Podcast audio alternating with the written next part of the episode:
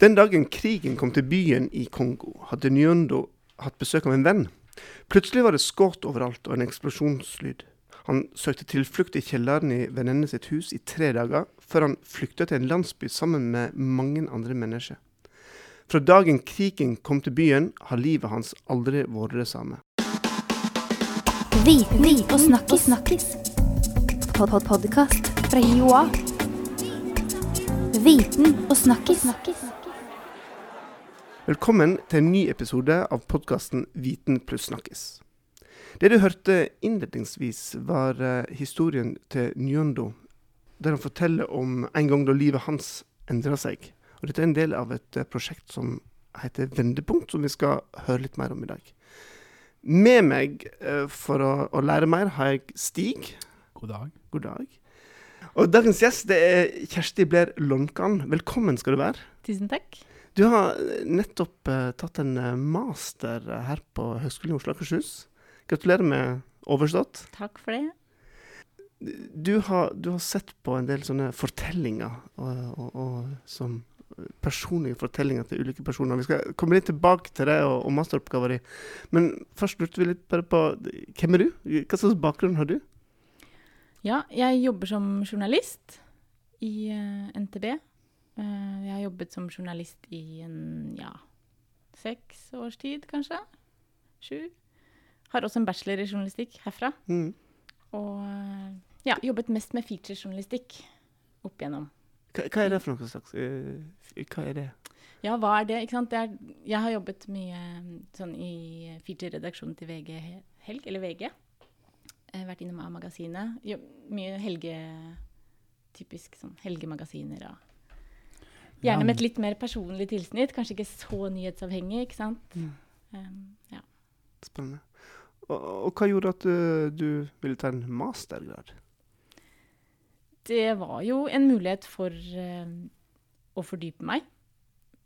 Og samtidig så så jeg den masteren her som såpass fleksibel at det var mulig å kombinere også med en jobb, da. Sånn at uh, Ja. Å ha et bein til da, å stå på i presset mediemarked. Du, I oppgaven din, da, så har du Det begynte ut med at du, du, du så på noe som heter digital historiefortelling. Kan du fortelle litt mer om hva det er for noe? Ja, digital historiefortelling. Sånn, som journalist så kan jo digital historiefortelling være veldig mye forskjellig. Um, den her formen for digital historiefortelling er noe som uh, oppsto i California på 1990-tallet. Uh, og den går egentlig ut på å holde workshops for en gruppe personer, en liten gruppe personer, og lære dem noen verktøy for at de skal fortelle sine personlige historier. Og, um, og de historiene er ofte kjennetegnet ved at det er førsteperson, og det er selv, altså erfarte, det er personene selv som har er det. Og det er gjerne stillbilder og deres voiceover som er hovedinnholdet Mm. i disse små filmene da, som de lager i workshops. Så, så resultatet er, er filma? Ja, veldig korte, eller jeg vet ikke om du kan kalle det filmer, men små videofortellinger, da. Mm. Stillbilder og voiceover, og kanskje litt musikk. Dette eh, ligner jo ikke helt på sånn vanlig journalistisk metode, eller? Nei, det gjør jo ikke det. Nei? Hva, hvorfor gjør man dette? Det er, eh, det er jo Jeg vil jo se på det her som en litt sånn alternativ type journalistikk, definitivt. Um, og det er jo en metode som gir kildene mye mer makt enn det de vanligvis har i journalistikken.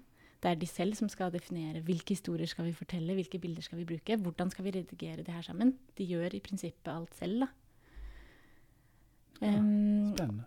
og eh, ja, min, i hvert fall en av mine begrunnelser for å gjøre det, var jo at jeg så en mulighet for å bringe kildene mer inn. I større grad basere meg på deltakelse fra dem, da. Og Ikke sånn at Jeg har jo skrevet en del personlige historier i løpet av min karriere som Mm, journalist mm, så mm. langt. Og har jo også følt på den makten jeg har som journalist. i At ok, nå Mm. presenterer jeg din historie Mm. for verden. Men hvordan ville det vært hvis kilden hadde all makt, da? Nesten. Eh, ville historien vært annerledes? Er det noen historier vi går glipp av? Er det noen viktige momenter der som blir borte uh, på veien, da. Så det syns jeg var interessant. Um, og så har jeg jo litt tro på det at folk skal definere sine egne historier. Og jeg tror det kan være sunt både Mm. for personene og um, ja, at det kan bringe nye historier ut, da. Men det er mange som er kritiske til at kilden har for mye makt òg, Mm. i sånn annen type journalistikk. Ja, ikke sant? Ja, Men, og, Kildestyrt journalistikk. Ja. ja, ikke sant. Og det er jo eh, et problem som man kan snakke om i journalistikken. Og så tenker jeg at det kan være litt forskjell eh, på, ikke sant, på journalistikken. Den er jo så mye. Mm. Og det her er én type Det her er personlige historier. Ofte ganske mm, emosjonelle, eller sånn de føles veldig viktige for disse personene. Og er veldig sånn dreier seg om deres liv, deres identitet. Og da kanskje det gjelder litt andre regler, tenker jeg, enn for den kritiske, undersøkende journalistikken som vi også selvfølgelig må ha. Da. Mm. Hva blir journalistens rolle uh, opp i, i denne metodikken her? da? Er det å hjelpe aktørene til å fortelle den historien? Ja, det er jo i utgangspunktet som fasilitator av workshop. Uh, så, men det er jo også, ikke sant, det drøfter jeg litt i oppgaven, men hvor, hvor stor rolle journalisten skal spille. Og det går jo også igjen på det her hvor stor grad av deltakelse skal man ha, og hvor, hvor mye skal journalisten gripe inn.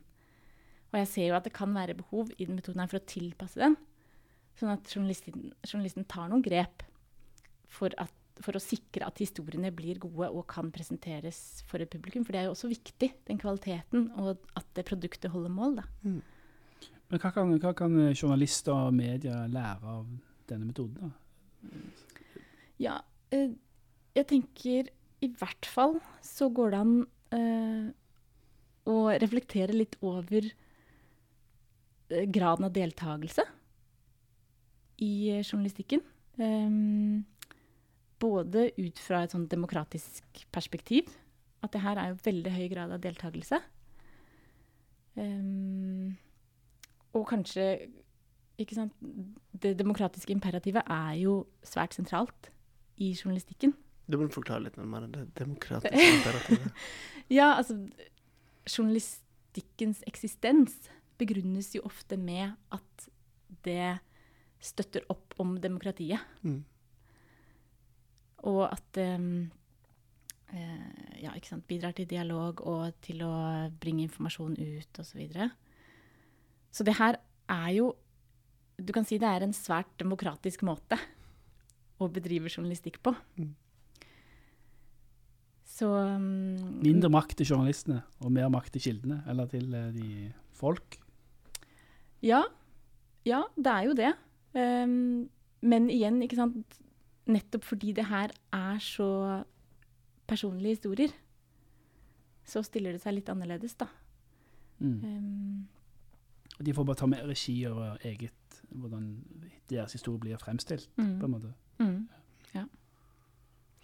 Du, når du jobba med dette i masteroppgaven din, så, så, så begynte du Altså, du arrangerte så workshops med folk som skulle fortelle historiene sine.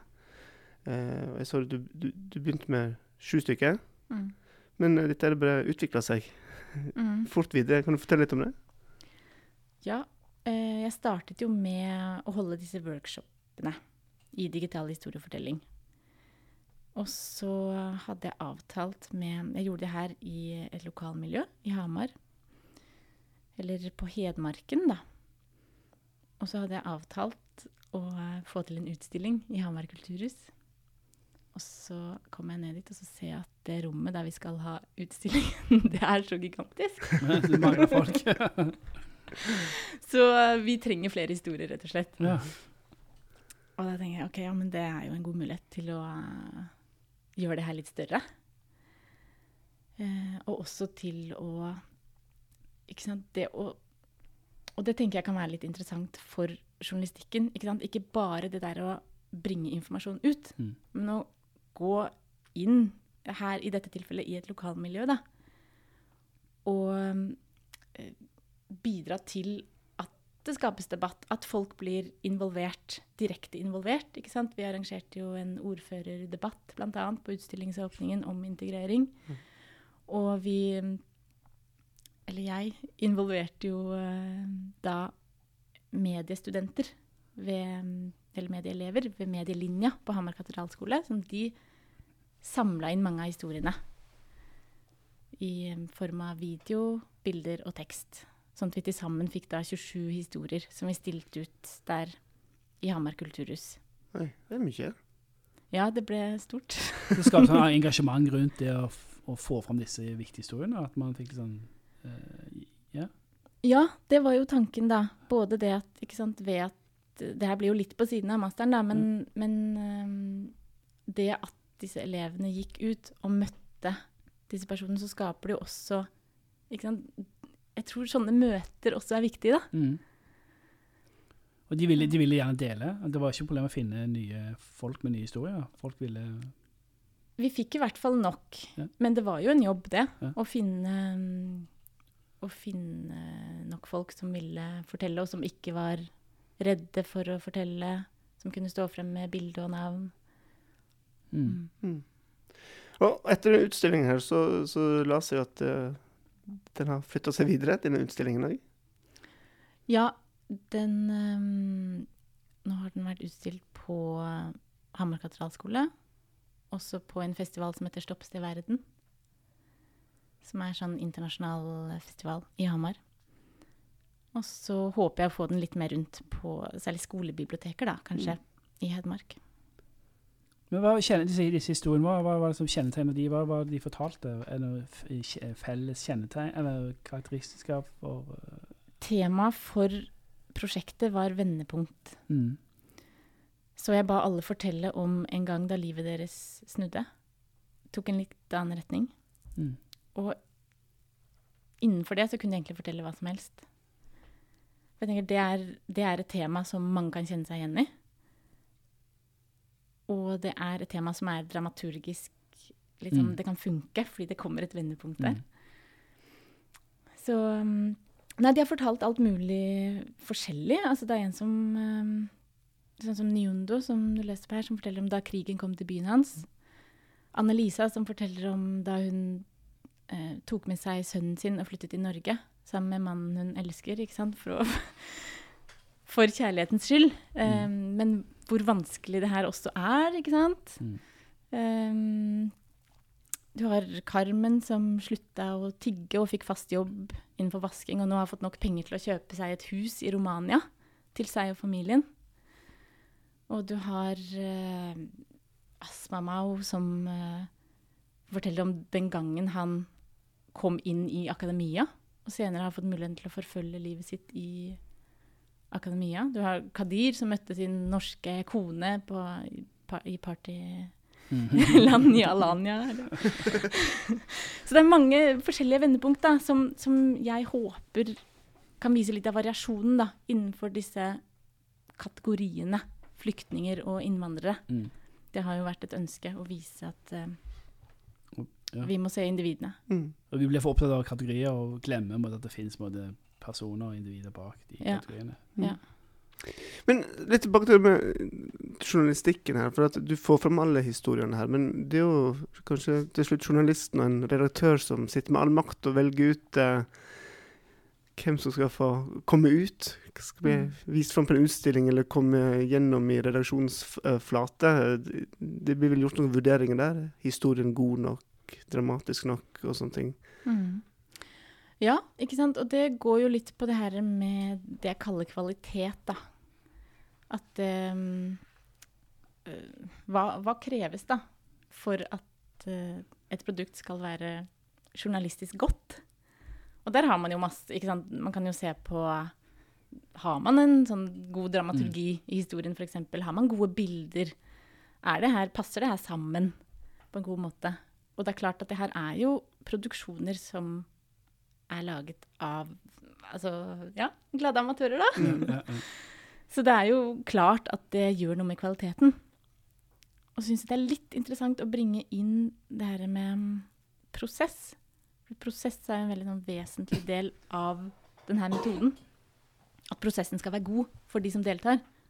Og det var jo flere av dem som, som påpekte at eh, Eller som dro frem det her med en slags sånn katarsis, eller sånn Å, det var så godt å få det ut. Mm. Og det var så godt å være i en gruppe som lytta til deg, og som måtte sparra med deg om din historie, og der det var rom for historien, og liksom det å sette ord på det. Sånn at den prosessen, det å være del av en sånn workshop, ble trukket fram som veldig positivt da, fra mange. Og det tenker jeg er litt interessant for journalistikken. Um, det å tenke litt på hvordan er det vi får frem historiene, da. Og hvor opptatt er vi egentlig av at den prosessen skal ivareta også de som forteller? Mm. Men hva tror du, hva tror du med det, hvis man hadde hatt mer fokus på denne type eh, fremstilling av historier, hva, hva, hva kan det bidra til den offentlige samtalen om, om disse temaene? Sånn at det var innvandrere, det var flyktninger. Altså, har det en funksjon der? som det Jeg tror jo at vi får litt andre historier. På godt og vondt. Jeg tror at um, Altså, utfordringen er jo at journalister er jo trent i det her. Vi er trent i å lage korte, mm. fengende historier Mm, mm. som er vesentlige, fordi vi på en måte Dette er nyhetsbildet. Dette er sånn historien passer inn i nyhetsbildet. Mens når personer forteller sine egne historier, så er det kanskje andre ting de velger å vektlegge. Få fram helt andre bilder og alt andre versjoner av eh, historiene. Ja. Ja, det gjør det. Um, jeg, bare, jeg tenker av en av de deltakerne i workshopen min. Han, eh, han var fra Tyrkia. Og så var han gift med en norsk uh, jente, da. Jeg, jeg syns det var veldig interessant. Det her selvfølgelig det er sånn han fortalte meg utenom workshopen. Uh, han er da muslim, og hun er kristen med kristne misjonærforeldre. Mm. Og journalister syntes det var kjempeinteressant. Ja, ja, ja. Og liksom hvordan de, de forholdt seg til det her, da. Men det var ikke hans historie. Nei. Hans historie var liksom mer den kjærlighetsbiten. Sånn at vi møttes, og vi flytta til Norge, og vi fikk et barn. Og det var mitt vendepunkt, ikke sant. Og det var ehm, Altså, Han- ja. Ikke sant. Så jeg tenker at uh, det fokuset eh, er kanskje litt annerledes da, ikke sant. Hvis man eh, får frem historiene på den måten. Journalisten fikk ikke det han ville ha. Eller egentlig normalt sett ville vært på jakt etter. Ja. Nei, det er jo en litt annen vinkling, da. Ja, ja. Eller litt annen utfordre vinkling, ut, ja, ut fra vante vinklingen. Ja. Går det an å kom Mm. kombinere dette her? Altså at journalisten skriver sin, sin historie, og så legger han til eh, det vedkommendes egen historie? Kanskje. kanskje. Jeg tenker det er mange måter å gjøre det på. Og det er mange måter å eh, jobbe med å um, kanskje få enda mer sånn deltakelse inn i journalistikken, da. Mm. Det kan jo være så enkelt som å liksom la personene lese gjennom, hvis du skriver en tekst, da. Eh, og komme med innspill, eller å ja La dem i større grad få være med og definere hva det er som er viktig, da. Mm. Men det er jo selvfølgelig det her er ikke sant, det, er jo, det er jo ikke enkelt. Det er jo mange normer i journalistikken som går strakt imot denne måten å gjøre det på. Hva tenker du om når disse historiene skal formidles? Nå, nå gjorde du det på en utstilling uh, her, og det, det blir jo i én kontekst. Normalt så har jo journalister eh, litt andre plattformer å publisere på. Vil disse fungere på nettaviser, sosiale medier, eller eh, kre, er krever de noe av konteksten? Men det kunne være en ny form for journalistikk. Utstillingsjournalistikk. Det er jo det er et spennende grep. Ja, Ja, ja, men jeg tenker at eh, altså hva, hvilke, hvilke plattformer eller hvilke flater er kanskje ikke så viktig i dag, da. Trenger ikke komme i Aftenposten for å være journalistikk. Nei. Jeg liker å stille ut på Hamar kulturhus. Ja, og ha en nettside i tillegg, da. Mm. Så tenker jeg ja, hvorfor ikke? Du er ferdig med masteren og skal sikkert uh, slappe av godt i sommer. Men uh, så er det tilbake til NTB, eller, hvor går veien videre? Ja, det er planen, det, altså. Mm. Kristin, tar du med deg eh, digital historiefortelling videre nå, da? For meg personlig har det i hvert fall gitt uh, erfaring med å jobbe med et sånn litt større prosjekt. Og det å se kanskje litt mer av det rommet som journalistikken kan eh, gi, da. Forskjellige måter å jobbe journalistisk. Så vi får se om det blir eh, et nytt prosjekt senere. Kjersti, dette var veldig spennende å høre om.